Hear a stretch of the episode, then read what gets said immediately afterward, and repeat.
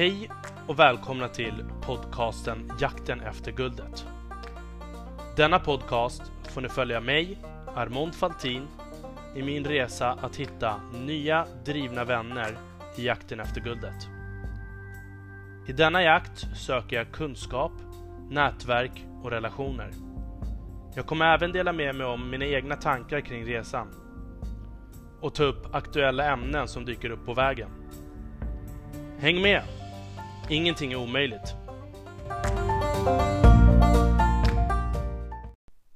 Hej allihopa och välkomna till The Road. Avsnitt 70. Det är så här att uh, jag höll på att googla järnet förra veckan och ville få fram så mycket information som möjligt om en uh, arkitekt som jag upptäckte som jag tycker är väldigt cool. Men eh, internet har blivit en hel del begränsat nu med alla olika lagar och regler där olika kontinenter har liksom vi har GDPR i Europa och sen i Kina har de sina regler så att man kommer liksom inte åt all information när det handlar om människor på andra sidan Atlanten ibland. Ja, så det, det gjorde mig lite fundersam och jag undrade herregud, vad ska jag prata om i det här avsnittet? Men sen så blev jag faktiskt kontaktad av en person på LinkedIn och jag måste bara säga det här var en riktig höjdare. Och den peppen som han gav mig i och med att han kontaktade mig, han berättade att han hade lyssnat på min podd och han kände att han ville kontakta mig helt enkelt. Och så pratade vi en del med varandra på LinkedIn och sen så ringdes vi lite grann. Och Ah, jag vet inte var jag ska börja alltså. Men det är verkligen såna här saker som gör en otroligt peppad. Och jag, jag, jag måste bara säga så här. Vi, vi gick igenom en hel del olika saker. Och en del av de här grejerna var liksom post traumatic growth, growth mindset och sen liksom ditt why, coaching och meditering och sådana saker. Men han applicerade inte de sakerna på mig att jag behöver liksom göra det här, jag ska ha det här utan vårt samtal var mer på en helt annan nivå och det tyckte jag var så himla motiverande och, och, och jag ska berätta lite om det. Men jag tänkte först så här. Jag har ju förklarat för er tidigare när jag har blivit kontaktad av människor som ah, vissa vill coacha mig och andra vill att jag ska börja jobba med dem. Uh, och, och, och erbjudandena liksom inte har varit vi har inte matchat riktigt och, och, det har inte varit så att man tackar nej till erbjudanden utan det är mer att har, har, vi verkligen kollat upp varandra? Tycker vi, förstår vi varandra? Uh, och har, delar vi värderingar? Och, och, det är där vi liksom har fallerat lite grann. Att det känns som att han säger att de har kollat upp mig men sen så märker man att de inte alls uh, är med på bollen. Och det är så här. Eh, jag tror att just när det kommer till coaching så är coaching jättebra för kanske en säljare som vill bli bättre på att bli, jobba inom försäljning och liksom vill få tips och tricks. Och, och sen liksom de sakerna kan du applicera när du liksom har riktat in dig på någonting och vill förbättra där vad du är. Men att bara ta så allmän coaching, det har jag liksom inte riktigt förstått. För att jag tror ändå på att du måste kunna det absolut viktigaste steget det är att du måste kunna göra vissa saker själv innan du liksom tar hjälp. Och sen är det ju också den här eh, med att det är väldigt många som mediterar nu. Som man också har fått höra så här, tips om. Oh, du borde meditera, du borde göra det här, du borde göra det här. Alltså meditering, mm, det är inte riktigt min grej. Men eh, ja, hur som haver. Låt, låt mig eh, berätta lite om den här höjdaren som kontaktade mig. Och Det var så här. jag satt igår på kvällen på LinkedIn och jag brukar ju skriva till folk och sådär. Den här personen hade jag inte varit i kontakt med tidigare. Vilket, men vi har varandra på LinkedIn och det var det som var liksom så här extra peppande att den här personen driver bolag och omsätter liksom miljarder i Sverige. Har kontaktat mig på LinkedIn utan att jag har kontaktat honom. Enbart för att han har sett vad det är jag gör. Och han skrev så här. Hej Jarmon. Jag tycker om att se dina poster i mitt flöde. Du har alltid massa smilegubbar och skriver så himla roligt. Ja, det här är också så här. Ja, i början så var jag väldigt seriös när jag brukade skicka ut meddelanden till folk eller när jag skulle dela lite poster och sådär. För jag kände att man måste vara seriös. Men problemet när du är alldeles för seriös är att då blir människor allvarliga och seriösa tillbaka mot dig. Och han skrev så himla fint att han tyckte att det var motiverande hur jag avväpnar folk i flödet. Och han hade lyssnat på min podd och han berättade om flera avsnitt. Alltså det är helt sjukt. Att han hade bara lyssnat på min podd. och på flera avsnitt dessutom. När jag själv känner att jag är inte riktigt där i utvecklingen. Men han hade, han hade lyssnat en hel del. Han hade lyssnat på min story. Han hade lyssnat på en hel del andra avsnitt. Så att han, liksom, han, han hade verkligen lärt känna mig ganska bra uh, bara genom att lyssna på podden. Och han sa en del verkligen så här när han, när han kunde prata med mig och säga Jag undrar du måste ju ha post traumatic growth. Jag märker att du har growth mindset och jag märker att du söker vissa saker och jag tror på dig. Du kan göra det här själv. Och så berättade han en hel del om sin egen story. Och hur han kände igen sig i resan som jag delade med mig om. Och han, han, han sa också att det spelar ingen roll hur mycket jag liksom söker efter andra och sen samtidigt tycker att jag inte är färdig i det jag gör och att jag liksom klankar ner på en del saker. Tyckte han. Och det tyckte jag, det, det, det var liksom det var ett bra påpekande som han tyckte att jag inte behövde göra. Och, men samtidigt så känner jag så här att jag är transparent, jag vill visa resan och när vi pratade så förstod han det och tyckte samtidigt att det var just av den anledningen som han kontaktade mig. Att jag var transparent och att det är viktigt att visa hur själva resan egentligen är. Han sa också dessutom att när du väl gör en sån här resa och det här är någonting som jag verkligen kan intyga och det är att när det händer positiva saker kring allting det du gör så kan du inte alltid dela med dig om det till dina nära och kära eller allra minst ja, men vänner och familj. För att de kommer inte att förstå. Och, och, vad han menade med det var att det kan direkt liksom ge negativa inslag eftersom ofta så vill ju andra att man ska göra någonting annat. Om du inte direkt har ekonomisk vinning och bara till exempel som nu när han kontaktade mig och, och, och, gav mig positiv feedback och liksom verkligen beskrev i hur han trodde att min personlighet var och hur långt jag kunde nå och att jag bara ska fortsätta. Uh, det ger en sån otrolig pepp. Och jag måste också säga att jag har inte kunnat berätta. Jag har inte ens berättat om det här samtalet till mina vänner. För att som jag har sagt till er tidigare så har när jag har åkt ut på möten på olika delar av landet träffat människor som bara vill känna och klämma på mig och alla har bara aha men ska du göra någonting med dem då? Ska du jobba med dem eller blir det en affär eller vad är det som händer?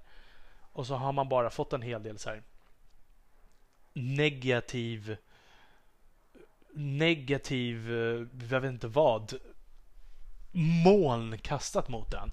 Och, och, jag är inte den som liksom, det där fastnar inte på mig. Men däremot så någonting som man påpekar att det kan göra någonting negativt med dem. Och det var också någonting som faktiskt hände mig ganska nyligen. Jag satt, jag satt i en bil tillsammans med min kompis. Han var på väg och skulle ut på ett nytt uppdrag som han hade hoppats på att få. Och han, eh, ja, vi, var, vi var tillsammans och han sa så här, vänta i bilen så går jag in och löser det här. Och så tog vi ett litet snack innan bara när han ska förbereda sig. Och utan att tänka på det. När jag pratar med honom, tror att jag ger honom positiv feedback, tror att jag peppar honom. Så vände han sig och sa till mig. Ser du ner på mig? Han hade misstolkat allting och liksom tyckt att min attityd som jag har gentemot honom eller som jag hade till hela approachen att det var nedvärderande. För att liksom Oh, jag vet inte vad. Jag, jag, jag, har verkligen tänkt på det nu också. Vad var det jag egentligen sa som kunde ha varit nedvärderande? Och vi har pratat om det efteråt. Men ibland så kan det vara så att om du pratar om saker som att det vore så himla självklart, men för någon annan så är det en jättestor grej, då kan det vara jobbigt att höra. Och jag tyckte att det var bra att han sa det här till mig. För att jag har hela tiden innan när han har sagt saker till mig, när jag har berättat om fantastiska saker som händer på vägen, så har jag sett det som att han bara är negativ. Och liksom, ja men han förstår inte, ja, skitsamma, jag behöver inte lyssna på det, jag behöver inte lyssna på det. Men då har han och sitt håll sett det som en översittarstil. Och det jag tänkt, men herregud! Hur kan det vara översittarstil när det är jag som sitter i skiten och du har exakt allt Mm. Ja, nej, men det, det, var i alla fall väldigt spännande och, och, och, och, det här samtalet som jag, vi, vi fortsatte, vi pratade kanske två timmar. Uh, jag och uh, den här framgångsrika personen och jag kommer inte avslöja hans namn här utan det vill jag hellre avslöja när jag har med honom i podden i framtiden. alltså, det var ju också någonting som man märker just nu hur himla tufft det har blivit på grund av corona. Alla, exakt alla, även de mest framgångsrika, alla har det extremt tufft nu. Alla bara håller modet uppe och så märker man att det ligger ett tungt moln och bara trycker ner. Jag har skrivit till jättemycket människor som jag har bjudit in till podden och eh, det är så här, ah, nej, nu är det inte riktigt läge, de har mycket jobb och det är ju så. Om du har förlorat uppdrag, du behöver liksom ta tillbaka gammal förlorad tid på grund av restriktioner eller på grund av sommar, liksom vad som helst. Då blir det ju dubbelt så mycket jobb. Fast det liksom inte kommer in. Och jag märker det verkligen hur, hur svårt det har varit för alla att ta sig in och jag undrar när det här ska släppa. Men vad jag tar med mig i alla fall från det här samtalet var att fortsätt med vad du än gör. Om dina nära och kära, om din familj tycker att du borde lägga ner, göra det här, gör någonting annat istället. De är inte insatta i det du gör. Om du har ett growth mindset om du kan skilja på, om eller vi vänder och säger så här. Vad är skillnaden på ett framgång och eller utveckling och ett misslyckande?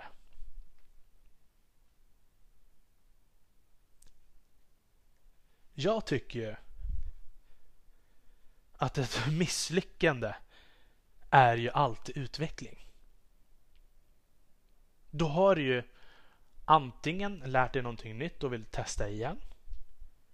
Eller så har du lärt dig och tunnat ut vägen som du ska gå på. Vilket gör det enklare för dig att gå rakt framåt och veta vad du ska. Så att Många saker som man testar, och, och han sa det också, att ta bara åt dig all information och ta in så mycket erfarenheter som möjligt. Om du är rädd för att bränna broar, bränn broar. Det kommer bara att skapa en ny bro och den kommer vara mer riktad till din väg. Och det är typ sådär jag känner. Jag känner att tack vare podden alla nya människor, alltså speciellt mina lyssnare. Ni är bäst. För jag kan inte berätta det här för någon. Alla blir förbannade så fort man berättar om någonting bra.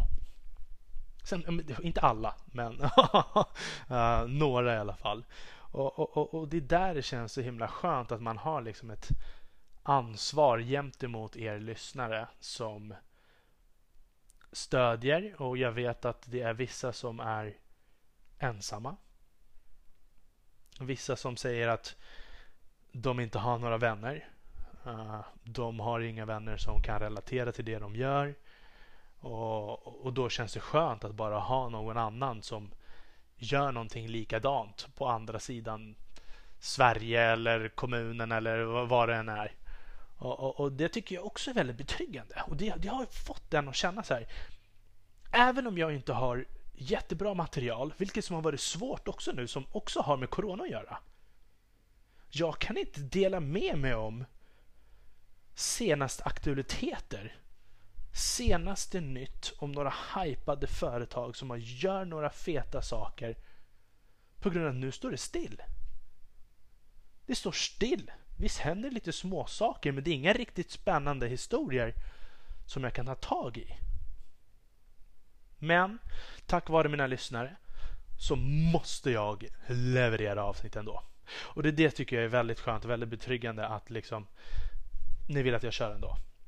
Och jag vill tacka för alla mina nya lyssnare. Alltså, jag berättade ju innan också att det hade gått ner i lyssnarantalet på sommaren.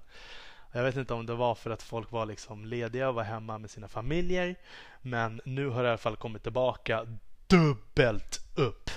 Och det är jag enormt tacksam för. Och, mm, det gäller bara att kämpa på vet du. Och eh, vi kör. Skriv till mig också så, så gör vi någonting tillsammans. Det, det är också någonting som jag påpekar liksom att om jag gör... Jag, en, av, en, av, en av anledningarna också varför jag bråkade med min vän där och han missförstod mig. Det är för att jag har velat få med honom på ett projekt. Ett väldigt simpelt, enkelt projekt som inte kostar någon tid, pengar, ingenting. Och han såg det som att jag liksom, ja ah, men ska inte jag be jättesnällt och, och sälja in honom på hela det här? Men så jag såg det som, men herregud, det här gynnar ju oss båda. Om jag hade kunnat vara bakgrundsdansare till exempel eh, till en poddare, slippa välja att vara den offentliga personen själv. Då hade jag gjort det alla dagar i veckan. Kolla till exempel på Brian Vanderbrink. Jag har intervjuat honom i tidigare avsnitt. Jättegrym kille. Han producerar ju bland annat Chefsnack, han har Träningssur, han har Sweaty Business Media. Det här är ju en kille som gör sin egen grej samtidigt som han är med i bakgrunden på andra superfeta saker. Alltså hans bas är så himla bred. Han lär känna alla gäster från någon annan persons podd. De frågar honom om tips, om de tyckte att det var bra, om, om det är någonting han ska tillägga. För de ser honom som experten i bakgrunden. Och nu vill jag också säga att jag bad inte någon att vara bakgrundsdansare till mig. Det var inte det som var grejen. Men hur mycket man kan faktiskt rida tillsammans på varandras våg. Hjälpa varandra bara genom att uh, komma på ett ämne, en gäst. Alltså du blir liksom en, du kan bli producent för ett avsnitt. För att du har skrivit ett manus. Hittat en gäst, skrivit ett manus. Eller bara skickat in en synopsis på, på en spännande person.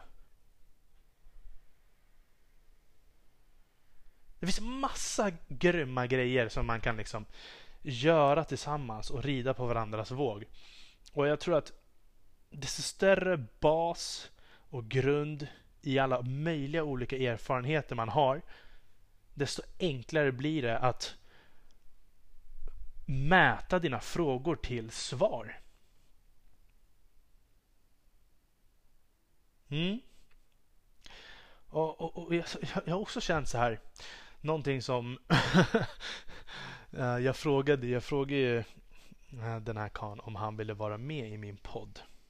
Och han sa ju direkt att han var, han var väldigt upptagen, han kände sig smickrad och hoppas att han kan vara med i framtiden. Och det var inga bortförklaringar eller någonting sånt utan jag förstår honom helt och hållet. Bara att han tog sig tiden att ta ett två timmars samtal på kvällen igår. Ja, jag vet inte. jag vet inte vad jag ska säga. Men, men nu jäklar så kommer jag liksom göra allt. Och han sa till mig, Armon, du har alla svar. Du vet att allting grundar sig i rädsla. Var bara orädd och kör på. Testa dig fram. Och det är verkligen ett tips som jag vill ge till alla andra där ute. Alla andra som kanske känner att har ni, har ni ett långsiktigt mål, du behöver inte skriva ner det kortsiktiga så himla detaljerat. För att jag skrev ner jättemycket kortsiktiga mål. Och sen har jag ett långsiktigt mål. Alltså de kortsiktiga målen håller aldrig. Nu, nu är det så att jag råkar ha ett growth mindset. Jag, jag bryr mig inte så mycket om, om saker och ting inte går vägen utan jag kör bara på. Men har du ett någorlunda för mycket fixed mindset där du tror att du bara är gjord för att kunna vissa saker men inte kan utvecklas och sen skriver ner mål och sen misslyckas då har du ju hittat ett recept för att nedvärdera dig själv och få dig själv att må mycket sämre på grund av dina mål. Inga 9 av 10 mål går inte att sätta. Om du sätter alltså de kortsiktiga målen och, och om det är riktiga mål helt enkelt. Självklart, vad jag, vad jag skulle kunna säga är ett kortsiktigt mål som ändå är realistiskt. Det är en månad. Vad ska jag hinna få gjort på en månad? Och Det svåra är om du inte har satt mål tidigare. Då är det svårt att veta hur stora och hur små målen ska vara. Jag brukar säga om jag ska på en månad, då vill jag ha minst fyra, veck fyra gäster. Det är en gäst i veckan. Då kanske jag skriver ut till åtta, tio stycken. Det räcker. För om du är seriös och är engagerad att få in personen, oavsett om det är längre fram i framtiden eller vad det än är, så gäller det att ha saker i närtid. Jag gillar inte att låsa upp mig på saker för alldeles för långt fram. För skulle det komma fram någonting som gör att man behöver skjuta på det eller göra någonting sånt så skulle det förstöra allting, tycker jag. Jag tycker det är viktigare att man står vid sitt ord och försöker att få saker och ting att gå igenom.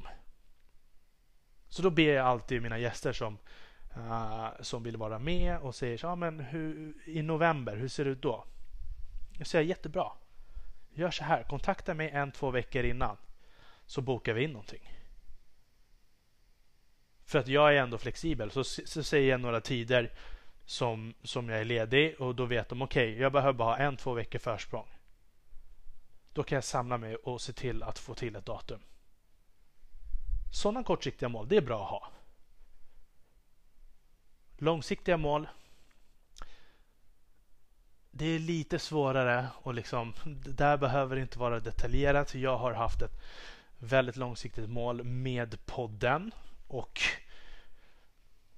jag delade ju ett väldigt bra, eh, en bra video på från Henrik Smollack som driver podden under 15. Han hade en föreläsning om media och marketing. Där han berättar hur han startade sin podd.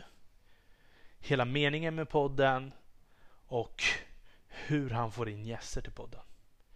För idag är podcast ett maktcentrum.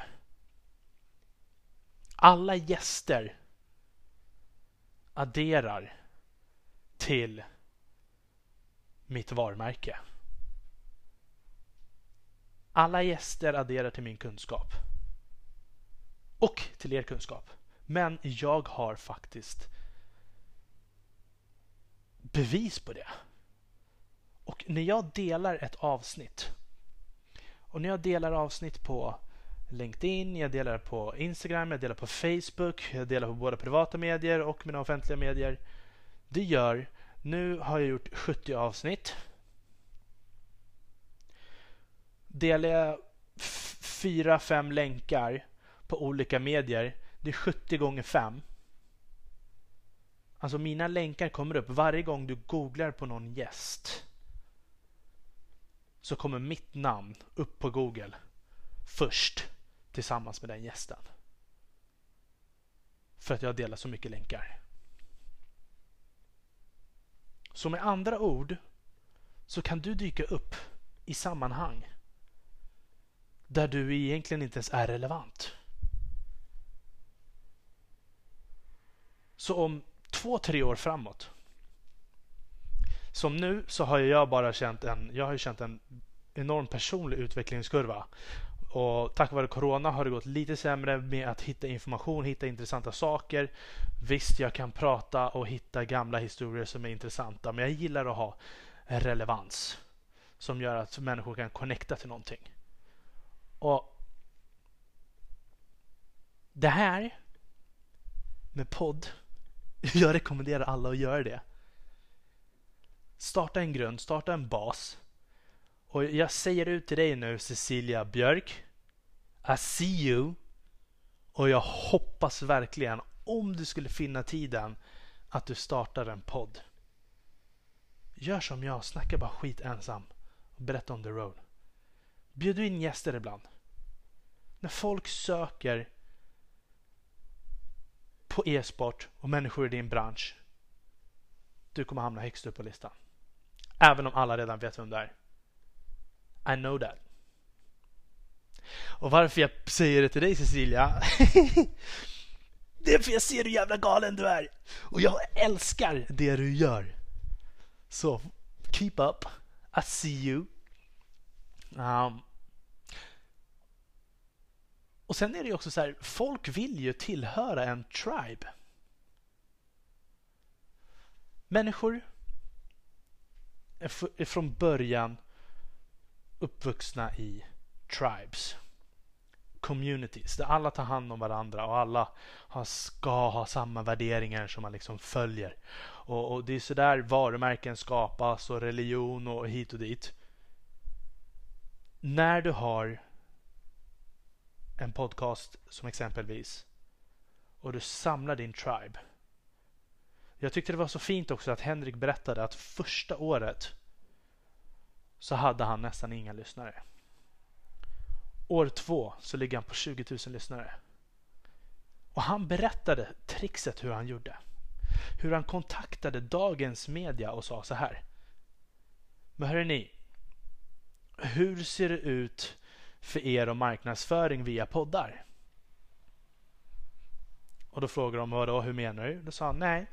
För jag hade tänkt att starta en podd. Och jag vill att ni ska distribuera podden.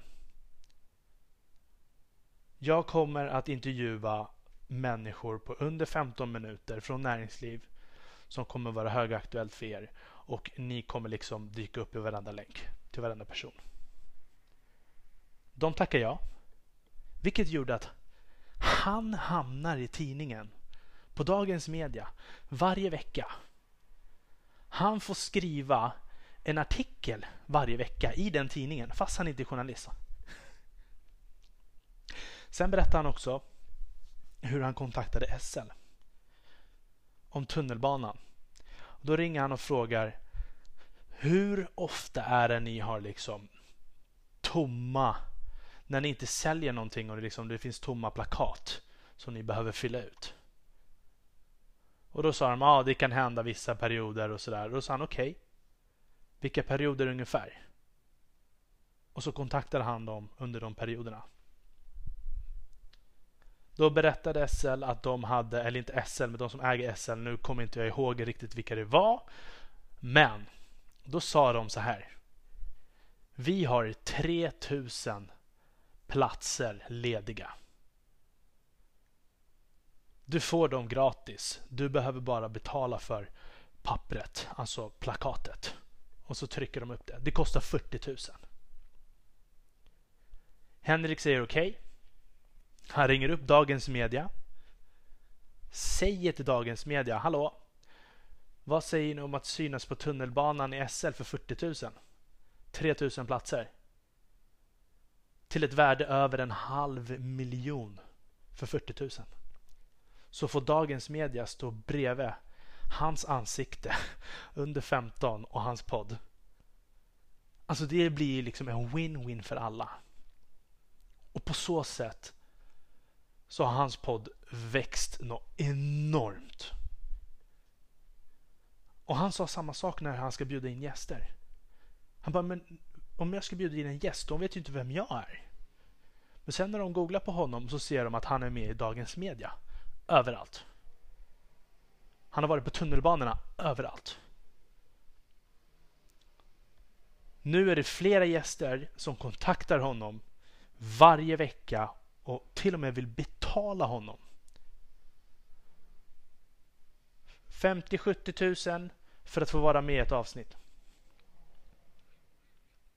Nu är det inte riktigt så det går till, men han berättar, han driver ju eh, en annan contentbyrå som heter Strössel. Där de arbetar med marknadsföring och kommunikation. Och han säger att hans enda arbete idag, det är att jobba med podden.